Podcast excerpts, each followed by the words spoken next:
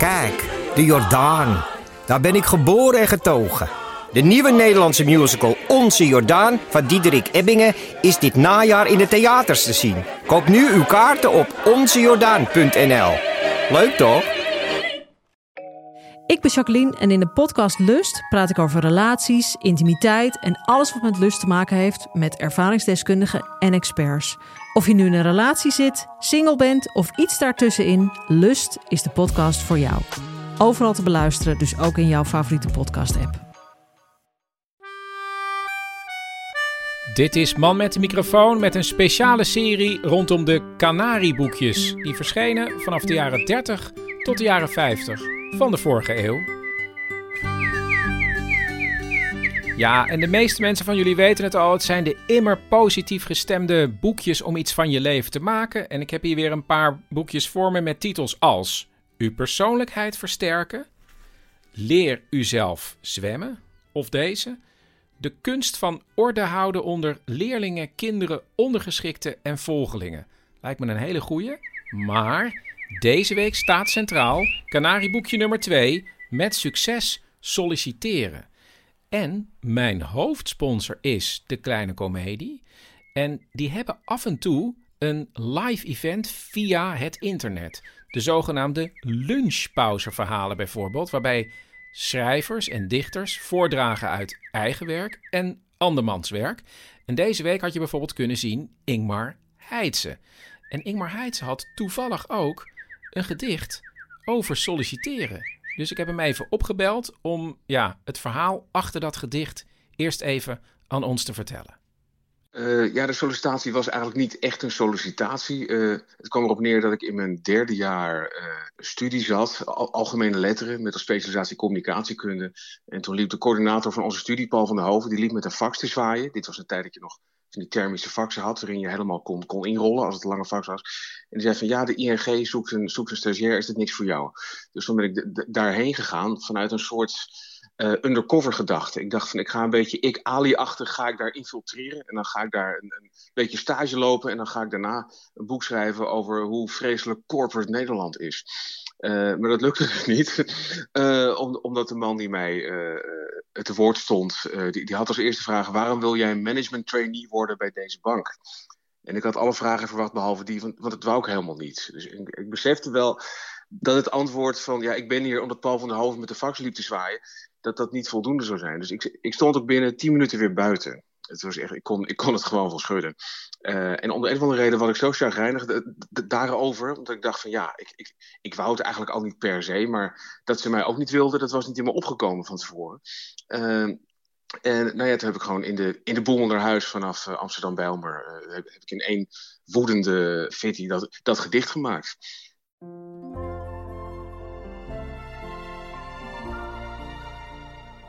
Solliciteren. Nog nooit zo tergend opgegeten als tijdens dit gesprek door een driedelig gedaste bitsprinkhaan. Woorden stuiten op tafel, knikkers vallen op een glasplaat. Hij neemt slokken van mijn levensloop en boert onaangedaan. Hij rolt mij in. Hij steekt mij aan en rookt mij op. Dan mag ik gaan. Later belt men mijn stoffelijk overschot ik heb de baan.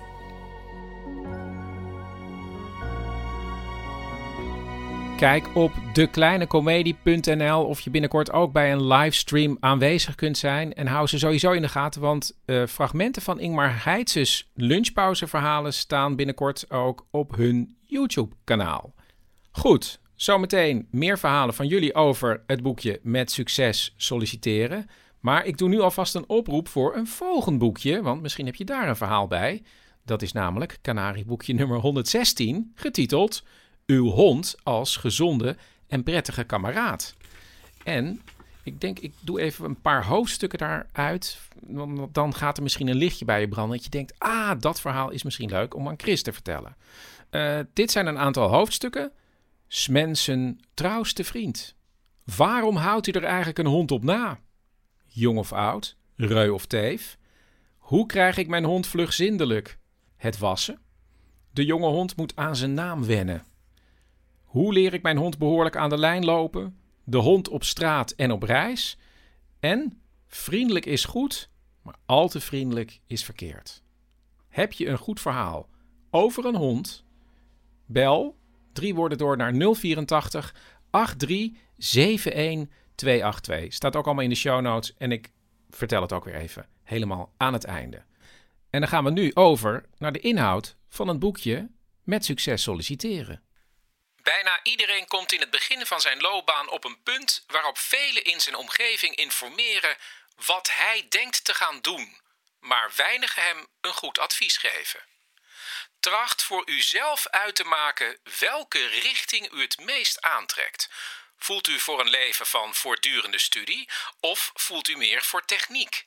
Zou u het liefst uw leven tussen machines slijten? Trekt de planten- en dierenwereld u aan? Of doet u niets liever dan allerlei mensen ontmoeten en met hen verkeren? Stel uzelf deze en dergelijke vragen tot u in zeer grove trekken hebt vastgesteld welke richting het best met uw aanleg strookt. Op welk terrein u tenslotte terecht zult komen, is een zaak van later. Maak, terwijl u dit zelfonderzoek instelt, niet de fout neiging te verwarren met aanleg. Het kan bijvoorbeeld zijn dat u het liefst van alles grote reizen zou maken en veel landen zou willen zien. Dat is een neiging, geen aanleg voor enige soort prestatie. Hoi met Kim. Mijn drie woorden zijn Alta Vista, rectorskamer, noodoplossing. Nou, het was december 2000 en ik, uh, ik studeerde aan de kunstacademie. En ik wist, oké, 13 december is mijn laatste tentamen en dan ben ik dus klaar. En ja, wat moet ik dan gaan doen? Ja, dan, dan moet ik wel een baan hebben. Toen ze ooit begon aan de kunstacademie, had ze ervoor gekozen om de docentenopleiding te doen. Ik dacht, ja, dan doe ik het erbij, want dan heb ik in ieder geval daar ook een papiertje voor. Ja. En dan zie ik wel, uh, ja. Dat, dat is gewoon de noodoplossing dus. Ja, precies. Ja. En nu was Kim dus bijna klaar voor de arbeidsmarkt. Dus ik dacht, ja, nou moet ik toch wel uh, gaan solliciteren of zo. Dus begin december uh, kroop ik achter de computer bij mijn ouders en uh, ging ik op Alta Vista zoeken naar baan, docent tekenen. En um, nou, ik kwam eigenlijk een berichtje tegen en daar stond in van, ja, dat is een, in Eindhoven, dus dat was vlak bij mij. En ik dacht, nou, dat lijkt me dan wel prima. Dus ik belde eigenlijk ter plekke en ik kreeg een super blij meisje van een arbeidsbureau aan de telefoon. En uh, die zei oh wat goed dat je belt. En ze was echt super enthousiast. En voordat ik het wist, uh, had ik opgehangen. Want ze had gezegd namelijk van, ja dan moet je dit, dit nummer bellen. Bel me morgen even terug hoe het gegaan is. En ik dacht, oh ja, dat doe ik dan. Maar ik ging op en ik dacht, wacht even. Nou moet ik echt blijkbaar een school gaan bellen. Want ik dacht, ja, dat heb ik nou beloofd aan die mevrouw. Dus belt ze naar de school en daar zijn ze enthousiast oh wat leuk dat jij belt. En ik vond de reactie ook best wel open of zo. Ja, dat is goed. Ja, kom maar langs. Uh, je kunt morgen langskomen. Ik zo, oké, okay, ja. Nou, dan ga ik dus morgen blijkbaar op sollicitatiegesprek. Omdat Kim de docentenopleiding gevolgd had, had ze natuurlijk al lang een keer les moeten geven op een middelbare school. En dat was niet echt een groot succes geweest. Zo was er die keer dat ze meeliep met een tekenlerares die zwanger was. En echt op de tweede dag of zo zei ze op een gegeven moment: Oh, ik voel me helemaal niet goed worden. Ja, kun jij dadelijk uh, die klas. Ja, dat is drie HAVO. Maar ja, dat moeten, die moeten gewoon verder met een opdracht. En ja, ik, ik kan echt even niet mee. Uh, ik voel me echt heel slecht. Ik zou ja, oké. Okay. Dus nou ja, die klas die kwam binnen en ik moest die les gaan draaien. Nou ja, dat was. Dat, ja, ik kon die klas helemaal niet aan. Ik, wist, ik kende ze niet. Zij dachten, jippie, een stagiaire. En echt serieus, er gebeurde van alles. En ik heb alleen maar gedacht, als ze maar niks heftig afbreken. Als ze maar niks heftig afbreken. Het was gewoon één grote chaos. En ja, het allerergste is dat ik achteraf, dus we waren het lokaal uit en ik ging naar de wasbak en ik dacht, nou ja, er hingen dus condooms aan de kraan vol met water. en het was één grote bende en water op de grond. En nou ja, goed. Ik heb daar echt gewoon van ellende een uur staan afwassen. En echt heel tegen mezelf zeggen: Dit gaat jou dus nooit meer overkomen. Dit ga je echt nooit meer doen. Het was echt verschrikkelijk. Het was, ja. En toch is Kim dus een dag na het telefoontje met die aardige mevrouw van het arbeidsbureau op weg naar een sollicitatie voor tekenleraar. Ik parkeerde de auto gewoon, ik weet niet hoe ik daar naartoe ben gereden. Ik stapte uit, ik liep naar die ingang en ik dacht, dit is mijn stageschool. Het was haar stageschool. En wat dacht ze over de afspraak? Ik dacht, ja, dit kan ik niet maken om je om te draaien. Dat kan gewoon niet. Ik kan altijd nog nee zeggen. Weet je wel, er ging van alles door mijn hoofd. Maar ik, nee, ik ging niet opgeven. Ik ging het dan wel doen. En omdat ze de weg kent, loopt ze in één keer naar de kamer van de rector. Die doet open en zegt... Oh, Kim, wat leuk dat jij gebeld hebt. Nou, super fijn, want ja, we kennen jou eigenlijk al, hè? Ik zo, eh, ja. De rector komt meteen ter zake. We kunnen lang verhaal kort maken. We willen eigenlijk wel dat je komt. En toen dacht ik, uh, uh, ik stond echt letterlijk met mijn mond vol tanden. Ik wist echt niet wat ik moest zeggen. Want ik, ik zei ze, ja. En toen heb ik echt gezegd, ja, maar ik weet eigenlijk niet of, of ik dat wel wil. en toen zei die man, ja, maar je bent hier naartoe gekomen. en ik zei, ja, dat weet ik, maar ja, ik kon moeilijk zeggen, ja, dat moest dan die mevrouw. maar ja, goed, het, eigenlijk kwam het daar natuurlijk wel op neer. Wat Kim zich ook realiseert, is dat zij heel anders terugkijkt op haar stageperiode dan de mensen daar op school. En achteraf denk ik, ja, misschien was ik ook best een goede stagiair. Alleen dat moment was gewoon voor mij uh, uh, een soort van tekenend geweest voor die hele stage. Misschien dacht zij ook van, nou, dat heeft ze nog eigenlijk best wel goed opgelost. Want ik heb natuurlijk wel over nagepraat en zo. En achteraf bleek dus ook, dat was echt een soort van, ja, de horrorklas van dat schooljaar. Kortom. Het was iets wat in mijn gedachten nogal uh, prominent aanwezig was. En zij hadden iets anders herinnerd. Het was natuurlijk ook maar een tijdelijke baan tot aan de zomer. Ze zou het gewoon kunnen proberen. En dus? Dus toen heb ik ja gezegd. En toen heb ik een hele kerstvakantie geploeterd op namenlijsten. Want ik dacht, ja, dat, dat verhaal, dat, dat ik, dat ik zo'n klas helemaal niet ken, gaat me echt nooit meer overkomen. Ik heb nachtenlang niet geslapen en, en, en pasfotolijsten dus echt van buiten gestampt. En uh, toen ben ik uh, in diepe gesprongen en ben ik het maar gaan doen. Let op hè. Namen bij foto's uit je hoofd leren van acht klassen waar gemiddeld 30 kinderen in zitten. Dat zijn 240 kinderen, toch, Kim? Ja, ik ben wel met de derde klasse begonnen. Want ik dacht, dat zijn wel misschien de meest uitdagende klassen. Dus, uh, en dat is ook me echt van pas gekomen. Want uh, zo'n klas kwam binnen en dan zei ik... Uh, hey Sander, doe dat petje even af. En dan keek ze me aan zo van, wow, die is echt... Uh, nou, en dan beginnen om hem heen, die hadden ook wel zoiets van... Nou, die, die weet het allemaal wel. Dus toen had ik redelijk snel toch wel een beetje in de vingers. Dat hielp. En tot de zomer ging het goed? Het ging goed en het ging eigenlijk, ja, het is eigenlijk een, een want het was dus een noodoplossing, maar uh, ik werk er nu nog. En hoe lang is dat?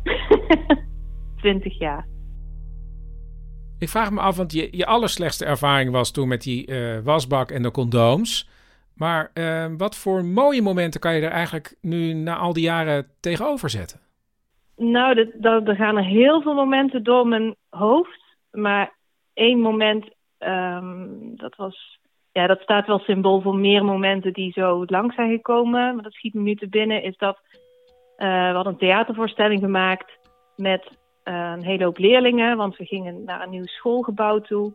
En uh, mijn ouders kwamen kijken. Mijn vader kwam voor het eerst kijken. Nou, want dat, dat heb ik ook super lang gedaan, die theatervoorstellingen.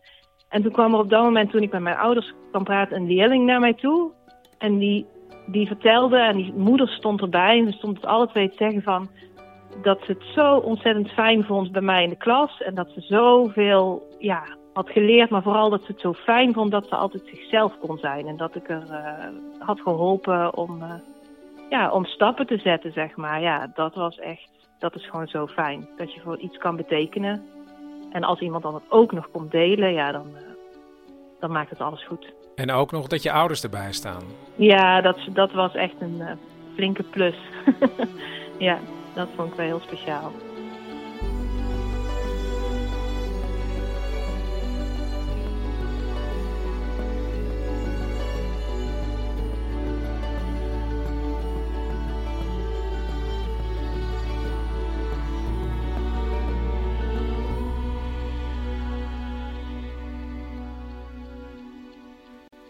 Relaties. Zeer veel wordt er geklaagd over de onrechtvaardigheid, aangeduid met de veelzeggende term kruiwagen. Het is het geval van bevoorrechte jongelui die aan familierelaties hun baantje danken. Het is inderdaad een hard gelach te moeten toezien dat vette of aangename baantjes sommigen in de schoot worden geworpen, terwijl men zelf hemel en aarde moet bewegen om maar een mager postje te bemachtigen. Wat eraan te doen? De wereld hervormen? Of deze onrechtvaardigheid slikken, zoals wij alle in het leven zoveel onrechtvaardigheden te slikken krijgen? Dit laatste is misschien wel het meest praktische. Indien u niet kunt beschikken over een kruiwagen en de meerderheid kan dat niet, probeer dan een autopet te bemachtigen. Bouw uw relaties zelf op als u ze niet gekregen heeft. Geld is daar niet voor nodig. Gekochte relaties zijn slechte relaties. Iemand die gebruik maakte van een hele kleine kruiwagen is Anna. Ik was uh, eh, 19, denk ik. En um, ik uh, speelde toen nog hobo. En ik had een uh, hobo-lerares en die had mij gewezen op dat, dat ik een baantje kon krijgen.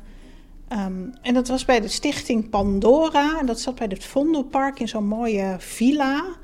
Het is 1994 en het dan Paarse kabinet vindt dat de kosten van de verzorgingsstaat, ja, de spuigaten uitlopen dat er te veel mensen in de WHO zitten en dus moeten worden herkeurd.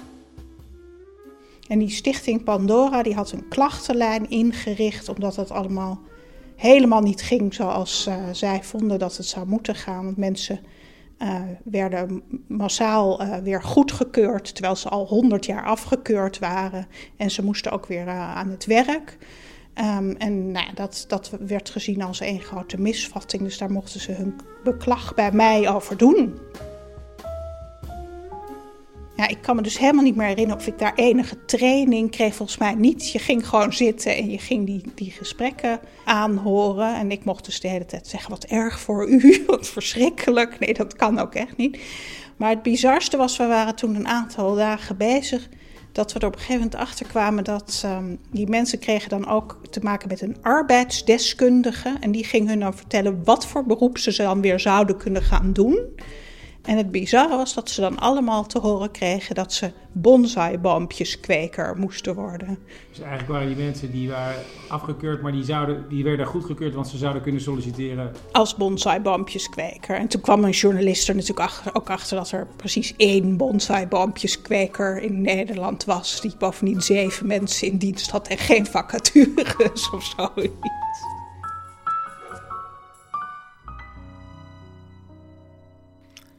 Wat mij van de meeste sollicitanten tegenstaat, vertelde mij de leider van een grote zaak, is dat zij zo geheel vervuld zijn van hun verlangen naar een baantje, dat zij zich om de aard van het baantje niet bekommeren.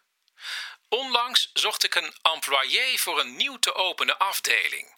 Ik kreeg 80 reacties. 20 sollicitanten zocht ik uit voor een persoonlijk onderhoud.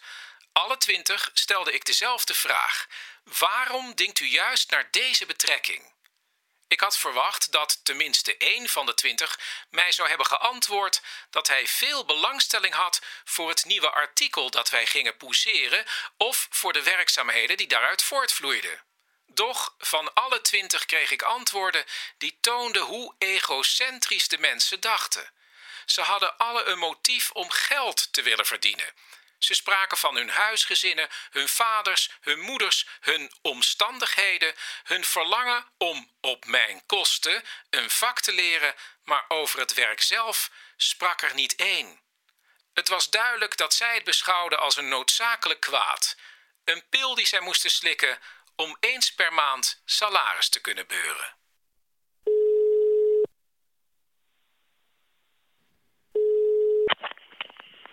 Ah, die Chris. Ah, die Dirk. Hoe is het? Goed, goed, goed. Mooi, mooi. Kan ik beginnen? Ja, je kan gewoon beginnen, Dirk. Vertel. nou, kijk, ik, uh, ik werkte bij een gewone baas. En op een dag kwam ik uh, voor de poort. En die was uh, gesloten. Oké, maar dat is, die was failliet? Nou, gewoon de deur dicht. eh, over en uit. Ik, ik, ik was mijn auto van de zaak kwijt. Ik, ik had niks meer.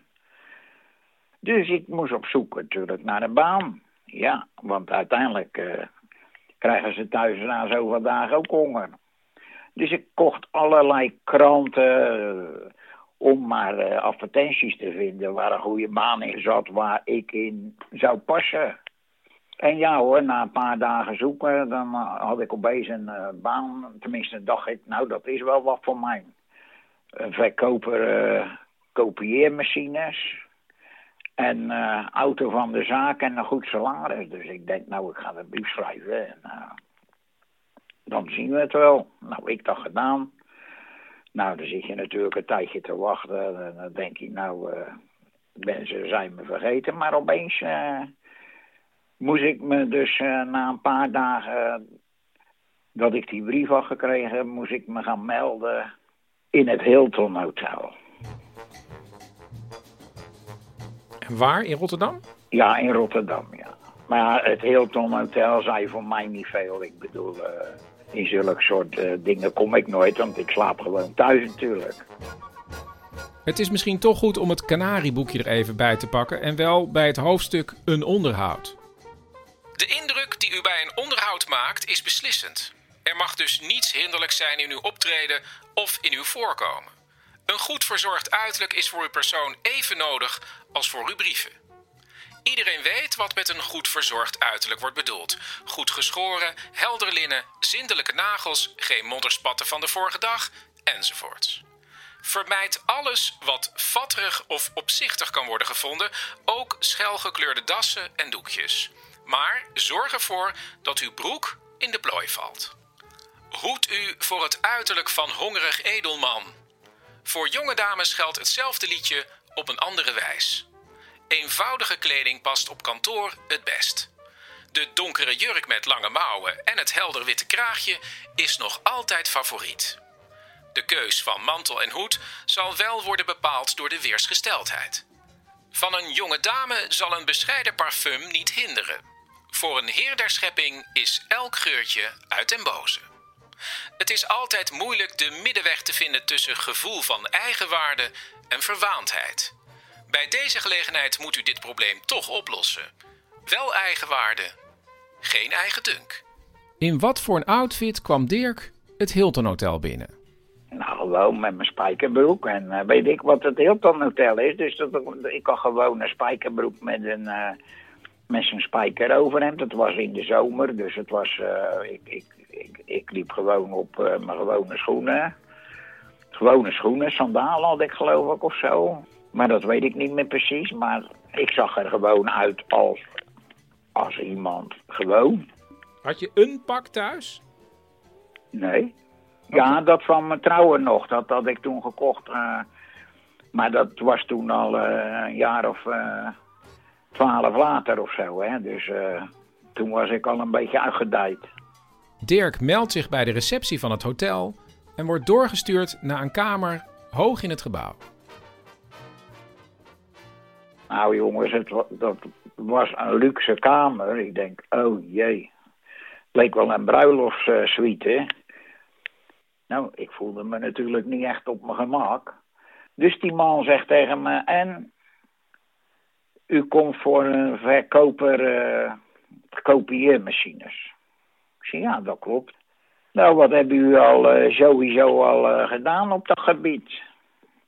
Ja, weinig, zei ik. ik eh, weinig. Ik bedoel, ik wil me gewoon waarmaken om dat te gaan doen. Het lijkt me wel wat. Autootje van de zaak en goed salaris. Ik zeg, nou, dus daar kom ik voor natuurlijk. Hij zegt, weet je wel wat dat inhoudt, zo'n... eh, dat verkopen van kopieermachines. Ik zeg, ja, ik zeg, ik heb vroeger ook eh, kerstbomen verkocht. En ik heb wel meer dingen verkocht. Ja. Dirk heeft meer dingen verkocht, maar het begon eigenlijk allemaal bij de kerstbomen. Mijn vader kocht altijd kerstbomen van de bloemist. En dan hielp ik mijn vader met eh, kerstbomen verkopen. Dus dan ging het zo Dan kwamen de mensen voor een kerstboompje en mijn vader had dat geleerd. Dan zeg hij, dan pak eh, die kerstboom zo bij het toppie, tjoeke, tjoeke, tjoeke, en stampt hij een beetje op de grond. En dan zei je, die kost 7,50. En dan liep hij verder en dan, eh, die kost een tientje. En die 12,50. En dan kwam hij weer dat bij dat boompje van eh 7,50. En dan zei ik, en die kost eh, maar 10 gulden. Oh, nou die ziet er goed uit. En dat had hij zelf niet door dat hij die ook al gezien had. Maar toen dat hij dat toen zeven... Er stonden er zoveel.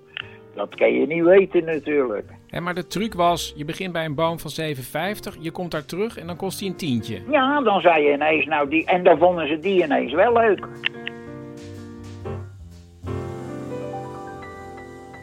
Het feit dat Dirk kerstbomen en ook andere dingen verkocht had, maakte niet zoveel indruk. Hij zegt, ja, maar daar komt wel wat voor kijken. U moet dan voortaan ook een eh, mooier pak aan en zo. Hij zegt dat je wel in zo'n hotel dus eh, ja, presentatief overkomt. Stel dat die mensen daar ook ergens in een hotel zitten of in een mooi gebouw en, je, je, dan moet je pakje deftig helemaal. Ja, ja, daar heb ik niet aan. Ik kom zo van, eh, van huis. Ja, met de bus en de tram en... eh, nou ja, hij zegt, vertel eens wat over uzelf. Ik zeg, ja, wat moet ik nou over mezelf vertellen? Dat is, dat is zo'n pokkenvraag eigenlijk. Ik zeg, ja, nou ja, ik ben getrouwd. Ik heb eh, drie kinderen en mijn baas was ineens, eh, ik denk dat hij failliet was. En ik moest mijn auto inleveren en ik moest werk zoeken van de sociale dienst. Hij zegt, nou oké. Hij zegt, u hoort over veertien dagen nog van ons of eh, we met u in zee gaan of niet. Nou Chris, je gelooft het of niet. Ik heb nooit meer wat gehoord.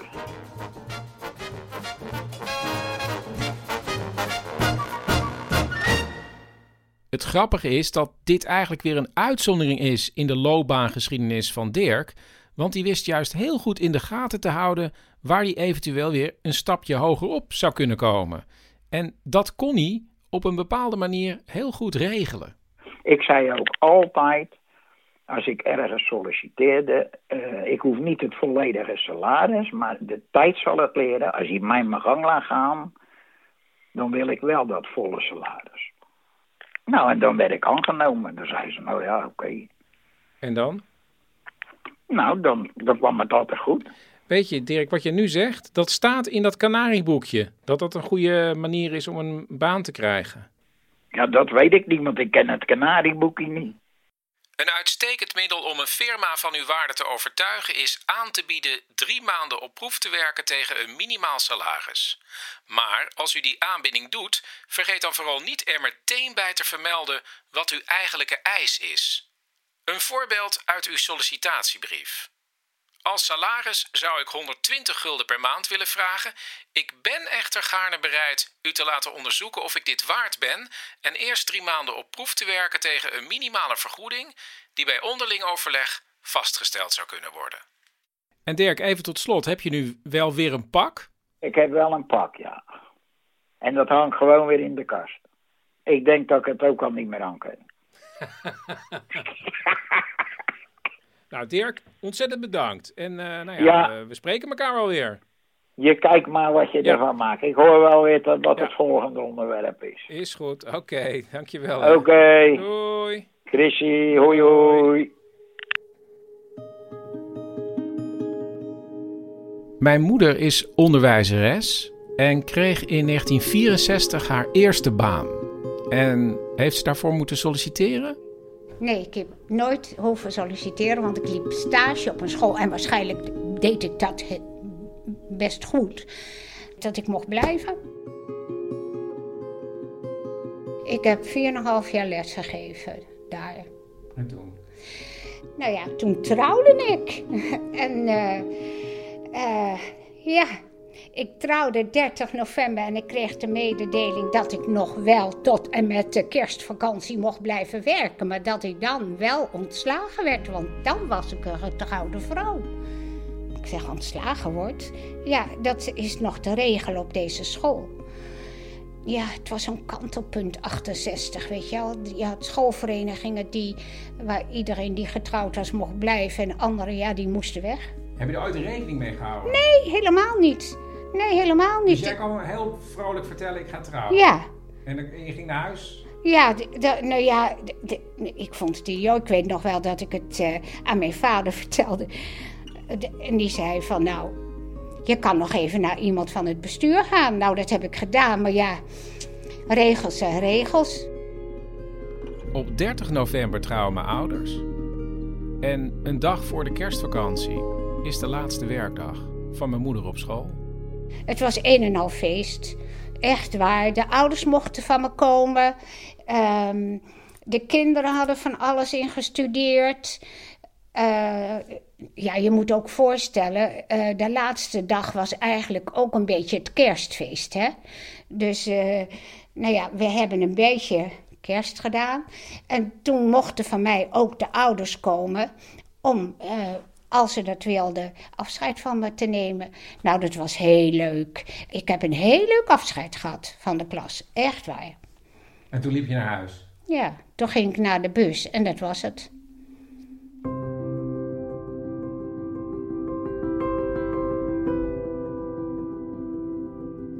De kerstvakantie is voorbij, de telefoon gaat.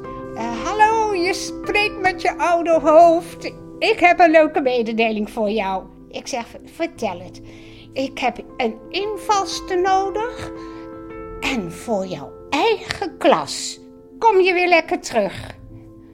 Ik denk, wat krijgen we nou? Eerst word ik ontslagen en nou moet ik op een invalscontract moet ik nou terugkomen. Ik zeg, nee, dat doe ik niet. Wat, zegt hij? Ik zeg, nee, dat doe ik niet. Nou, zegt hij, dit had ik niet verwacht. Ik zeg, nou, dan heb je het steeds echt wel verkeerd bekeken. Nou, dat was zo'n beetje het laatste wat ik ooit met hem heb besproken.